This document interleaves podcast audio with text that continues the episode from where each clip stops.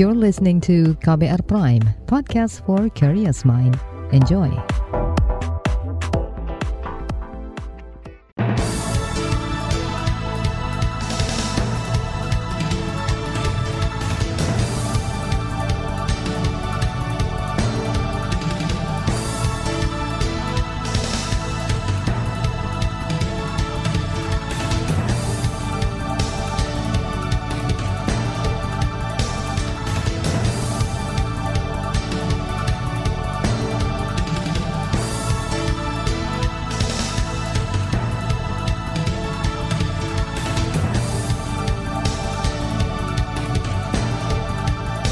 Selamat pagi saudara, senang sekali kami bisa menjumpai Anda melalui program Buletin Pagi edisi Kamis 5 Januari 2023. Saya Naomi Liandra.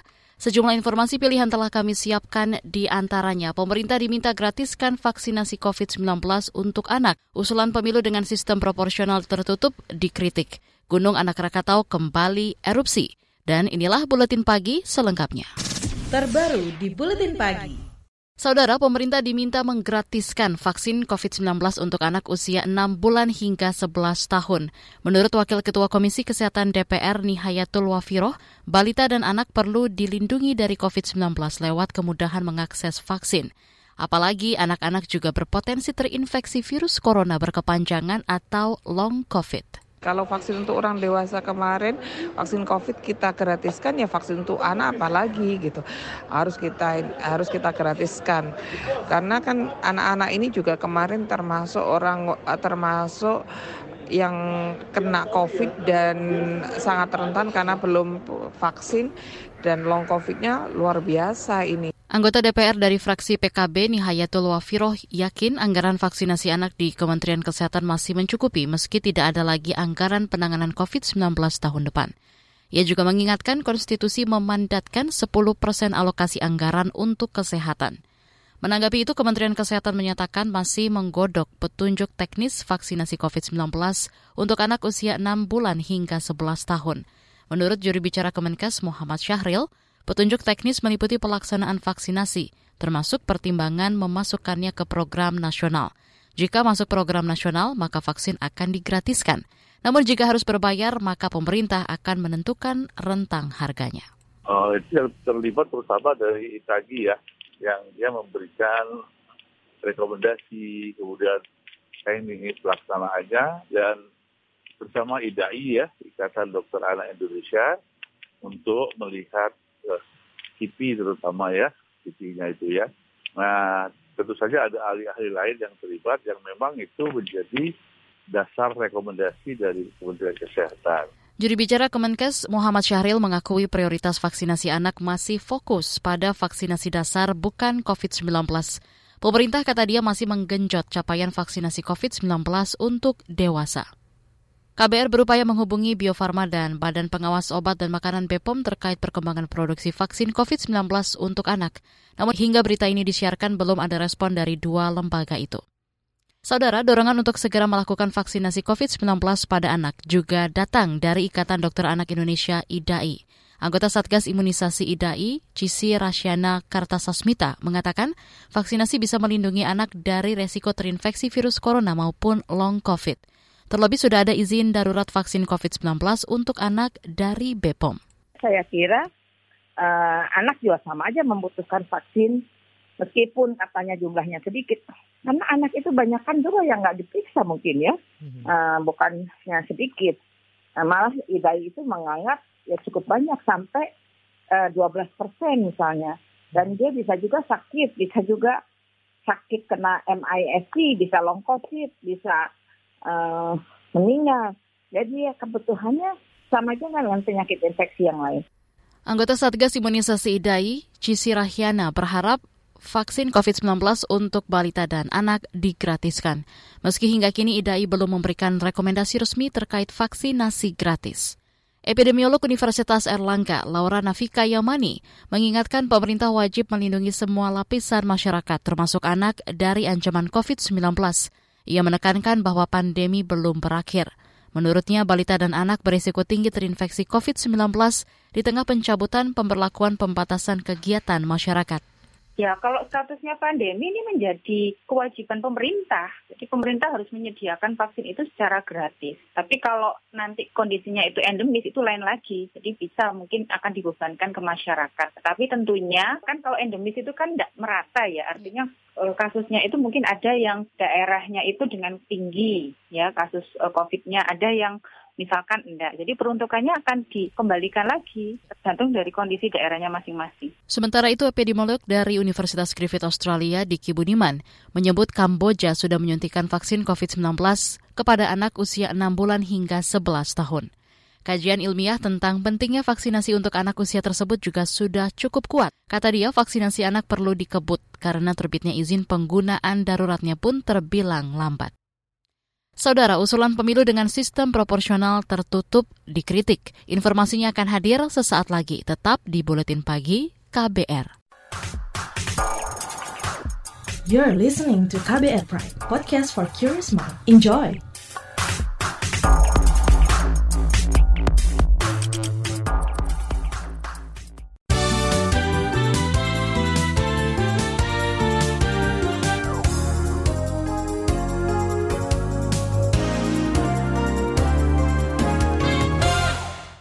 Saudara Presiden Joko Widodo berharap geliat ekonomi di daerah meningkat usai dicabutnya pemberlakuan pembatasan kegiatan masyarakat PPKM. Harapan itu disampaikan Jokowi saat mengunjungi pasar bawah di kota Pekanbaru Riau kemarin. Saya masuk ke pasar bawah untuk melihat geliat ekonomi di pasar, utamanya yang berkaitan dengan omset. Apakah dibandingkan tahun 2021 lebih baik? Ya, para pedagang menyampaikan tahun 2022 lebih baik. Tapi setelah PPKM dicabut, para pedagang berharap omsetnya bisa lebih baik. Artinya di tahun 2023 semuanya berharap dan optimis lebih baik dari tahun 2022. Itu tadi Presiden Jokowi. Pekan lalu Jokowi menghentikan kebijakan PPKM. Salah satu pertimbangannya adalah angka kasus COVID-19 10 bulan terakhir. Pemerintah berkukuh Penerbitan peraturan pemerintah pengganti Undang-Undang Perpu Cipta Kerja langkah tepat untuk memberi investor kepastian hukum. Kali ini klaim itu datang dari Wakil Presiden Ma'ruf Amin. Kata dia Perpu diperlukan usai Mahkamah Konstitusi memutuskan Undang-Undang Cipta Kerja inkonstitusional bersyarat. Masalah Perpu itu saya kira Undang-Undang Cipta Kerja itu Cipta Kerja itu kan dianggap ada bermasalah sehingga perlu diperbaiki.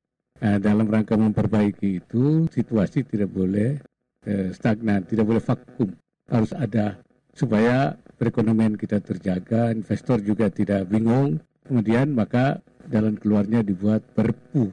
Itu tadi Wakil Presiden Maruf Amin. Penerbitan Perpu Cipta Kerja menuai protes berbagai kalangan termasuk pengusaha yang mempertanyakan soal kepastian hukum bagi investor.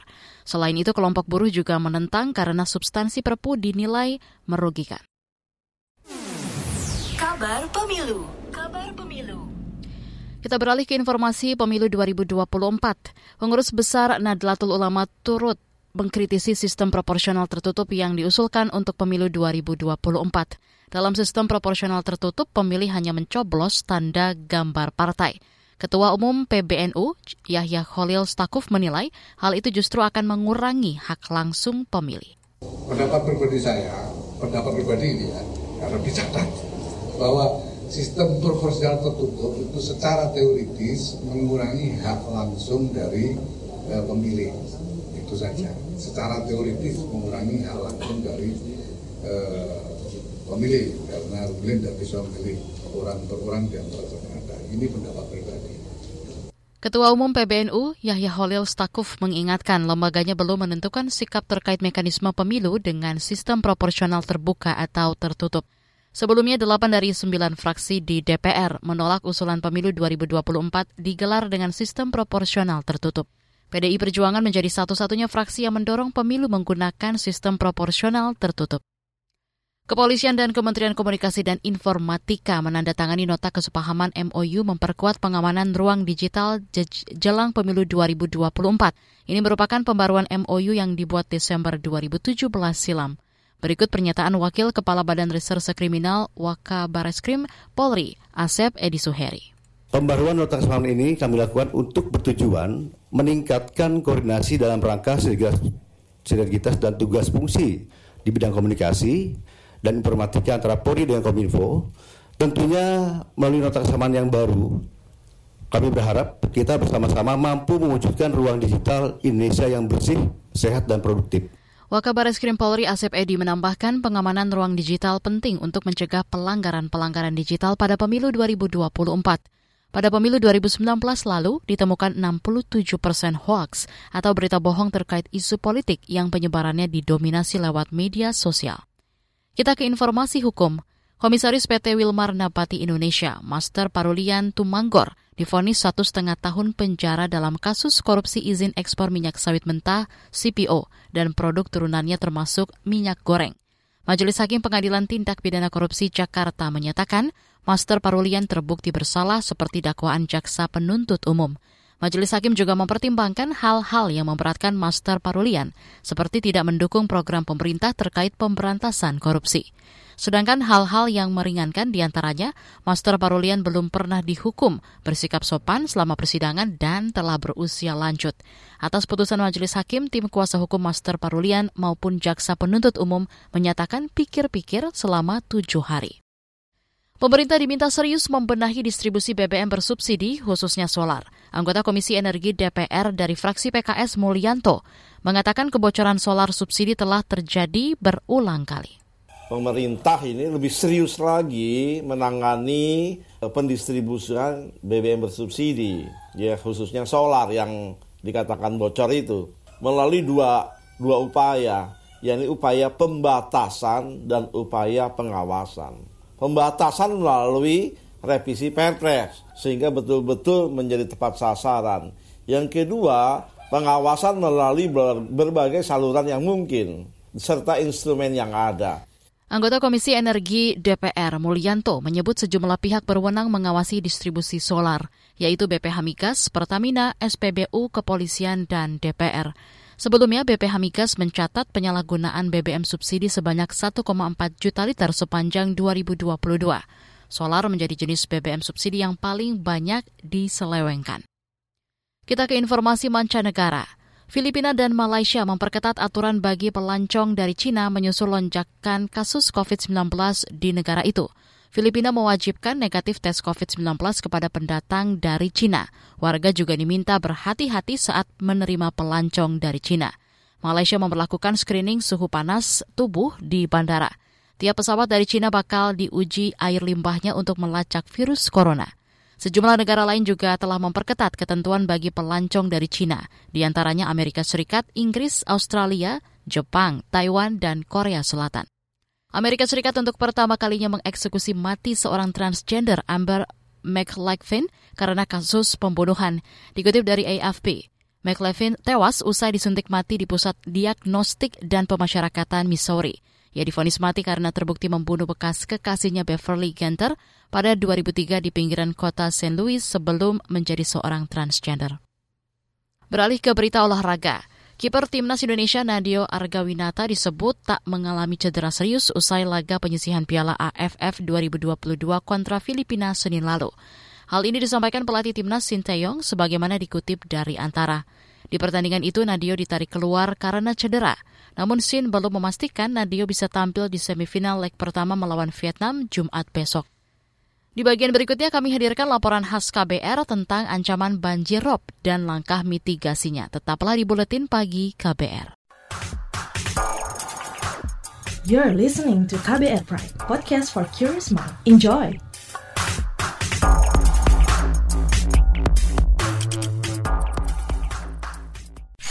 Commercial break commercial break.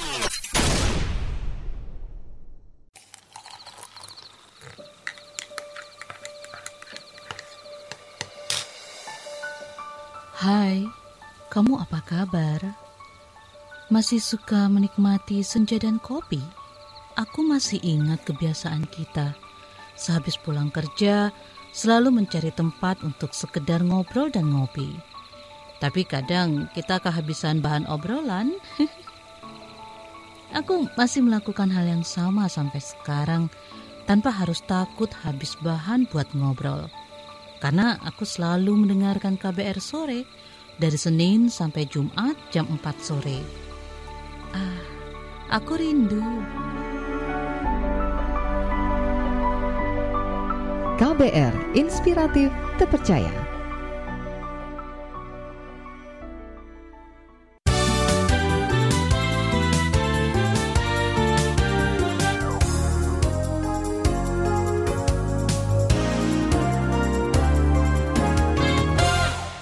Anda masih bersama kami di Buletin Pagi KBR. BMKG meminta warga di sejumlah wilayah pesisir Indonesia mewaspadai ancaman bencana alam banjirop, terutama pada 6 Januari mendatang saat terjadi bulan purnama. Saat ini bahkan banjirop sudah terjadi di sejumlah daerah. Apa langkah mitigasi menghadapi bencana itu? Simak laporan khas KBR disusun jurnalis Siti Sadida Hafsyah. Saudara, Badan Meteorologi, Klimatologi, dan Geofisika atau BMKG mengeluarkan peringatan dini soal ancaman bencana banjirop di sejumlah wilayah pesisir di Indonesia. Di antaranya di pesisir Kepulauan Riau, Nusa Tenggara Timur, Merauke, Jawa Barat maupun DKI Jakarta. Kepala BMKG Dwi Korita Karnawati menyebut, untuk daerah ibu kota, banjirop diperkirakan berlangsung sejak 3 hingga 10 Januari mendatang.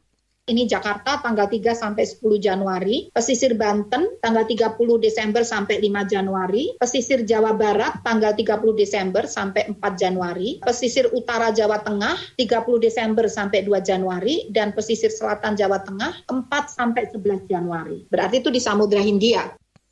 BMKG juga mengingatkan fenomena bulan purnama atau full moon pada 6 Januari mendatang. Fenomena ini diperkirakan bakal memicu peningkatan ketinggian pasang air laut hingga ke titik maksimum. Ini diperkirakan menyebabkan banjirop di beberapa wilayah pesisir di Indonesia. Potensi banjirop ini berbeda-beda waktunya di setiap wilayah. Meski demikian, dampaknya hampir sama di semua daerah. Banjirop bisa mengganggu aktivitas bongkar muat pelabuhan, kegiatan tambak garam dan perikanan darat hingga aktivitas di pemukiman sekitar pesisir. Kepala BMKG Dwi Korita Karnawati merekomendasikan sejumlah langkah antisipasi kepada pemerintah daerah dan masyarakat pesisir. Jadi memonitor sesuaikan dengan lokasi Anda ada di mana agar setiap warga masyarakat bisa mengantisipasi risiko apa yang akan terjadi. Apakah akan terjadi gelombang tinggi atau angin kencang ya atau apakah pesawatnya akan e, mengalami gangguan turbulensi. Nah, ini Bapak Ibu perlu mengetahui perkembangannya karena sangat dinamis agar Ibu Bapak dapat merencanakan aktivitas Bapak Ibu menyesuaikan perkembangan tersebut ya. Sebelum bulan purnama penuh, banjirop bahkan sudah terjadi di beberapa daerah. Pada awal tahun ini, banjirop terjadi di Indramayu, Jawa Barat. Bupati Indramayu, Nina Agustina, mengatakan banjirop terjadi di lima kecamatan dan paling parah terjadi di wilayah kecamatan Kandang Haur. Telah terjadi banjirop yang memang saat ini cuaca ekstrim sekali. Memang ini di daerah wilayah Erepan ini adalah tahunan untuk banjirop. Tapi untuk tahun ini memasuki tahun 2023, ini angin terlalu besar sekali, cuaca terlalu ekstrim dan semua dalam satu RT ini mengungsi di balai desa. Banjirop juga sudah terjadi sejak akhir tahun lalu di Cilacap, Jawa Tengah. Banjirop bahkan masuk ke pemukiman warga. Kepala Seksi Pencegahan dan Kesiapsiagaan Bencana Badan Penanggulangan Bencana Daerah atau BPBD Cilacap, Gatot Arif Widodo mengatakan, Gelombang rob yang terjadi pada 24 dan 25 Desember lalu pada mulanya merusak tanggul penahan ombak di pesisir selatan Cilacap. Rendaman ya jadi sampai bukan airnya masuk ke rumah. Nah, kerusakannya yang muncul adalah di anggota laut dan pinggir laut itu kan ada laut yang roboh karena memang karena kempasan ombak laut itu akhirnya jadi roboh. Untuk rumah, untuk korban tidak ada kerusakan tidak ada. Ya. Kemudian untuk yang berikutnya di Pantai Sodong. Pantai Sodong itu beberapa warung Sebagai langkah mitigasi dan antisipasi banjirop susulan, Penjabat Bupati Cilacap Yunita Dia Suminar meminta Badan Penanggulangan Bencana Daerah atau BPBD memastikan alat Early Warning System atau EWS berfungsi dengan baik. Di wilayah ibu kota, pejabat Gubernur DKI Jakarta Heru Budi Hartono bakal menyempurnakan pembangunan tanggul sebagai langkah antisipasi terhadap banjirop di pesisir utara Jakarta. Pembangunan tanggul pantai dan tanggul laut ini masuk ke dalam program National Capital Integrated Coastal Development atau NCICD. Ada tanggul pantai, ada tanggul laut atau giant seawall. Tanggul pantainya teman-teman media kan sudah tahu mana kewajiban Pemda, mana kewajiban PUPR. Kalau nanti giant wall itu ada terkaitan dengan rencana tata ruang ke depan terkait dengan konsep provinsi lain itu harus sinergi dengan Bappenas. Ketua Masyarakat Penanggulangan Bencana Indonesia atau MPBI Avianto Amri meminta masyarakat di wilayah pesisir juga selalu siaga akan ancaman banjirop di wilayahnya kesiapsiagaan di tingkat lokal itu memang harus dievaluasi dengan melihat kalau misalnya memang waktu mereka hanya 2-3 jam perlu ada mekanisme di mana warga itu bisa dikasih tahu tuh dengan cepat dan secara luas untuk mereka segera evakuasi. Karena juga sering kali kejadian-kejadian eh, banjir-banjir seperti ini itu terjadi di saat warga tidur kayak di jam 2, jam 3 air sudah mulai masuk dan akhirnya malah mencapai ke tingkat satu dalam hitungan jam. Saudara, laporan ini disusun Siti Sadida, saya Reski Mesanto. Informasi dari berbagai daerah akan hadir usai jeda. Tetaplah bersama Buletin Pagi KBR. You're listening to KBR Pride, podcast for curious mind. Enjoy!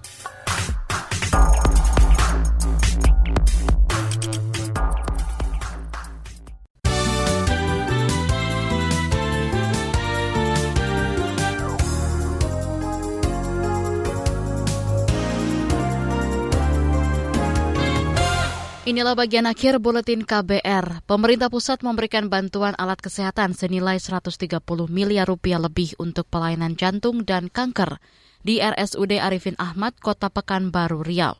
Menurut Presiden Joko Widodo, bantuan itu untuk meningkatkan kualitas rumah sakit dalam penanganan dua penyakit tersebut. Kementerian Kesehatan sudah membantu peralatan untuk jantung, untuk kanker tahun ini akan segera tiba. Alkesnya senilai berapa? 130-an miliar. Artinya kita ingin mengurangi sebanyak-banyaknya warga kita yang berobat ke luar negeri, utamanya ke tetangga-tetangga, sahabat-sahabat kita. Itu tadi Presiden Jokowi usai sidak ke RSUD Arifin Ahmad, Kota Pekanbaru, Riau kemarin. Kepala negara mengakui jumlah rumah sakit khusus untuk jantung dan kanker di Riau masih kurang. Ia juga menyinggung pelayanan BPJS Kesehatan di RSUD Riau yang berjalan baik. Jokowi berharap hal serupa berlaku di seluruh rumah sakit yang menyediakan layanan BPJS. Kita ke Lampung. Gunung Anak Krakatau di Lampung kembali erupsi pada Kamis tengah malam tadi.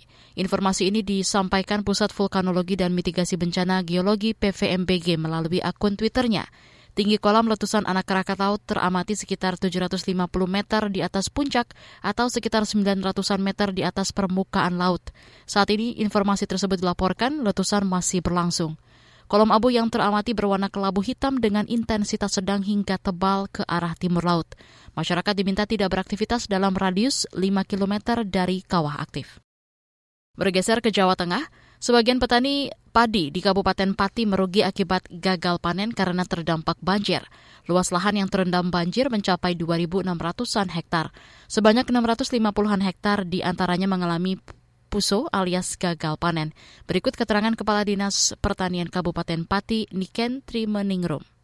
Memang kalau kerugian kita belum bisa menghitung ya, Mas, karena masing-masing ada umur tanaman ya, ada yang baru satu minggu, ada yang baru 30 hari, dan yang ada yang sudah 70 hari sebetulnya. Jadi tingkat kerugiannya barangkali memang berbeda-beda ya. Memang ada beberapa wilayah yang kita ajukan asuransi melalui AUTP ini ya, termasuk daerah Banjarsari Kepala Dinas Pertanian Pati Niken Trimenaringrum menambahkan jajarannya tengah mengambil titik koordinat lahan pertanian yang mengalami puso. Hal itu untuk keperluan pengajuan klaim asuransi pertanian.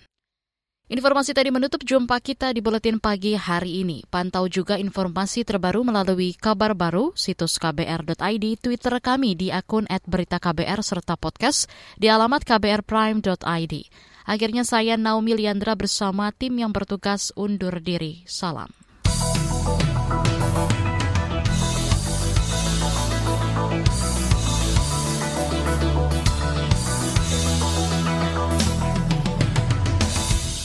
KBR Prime, cara asik mendengar berita. KBR Prime, podcast for curious mind.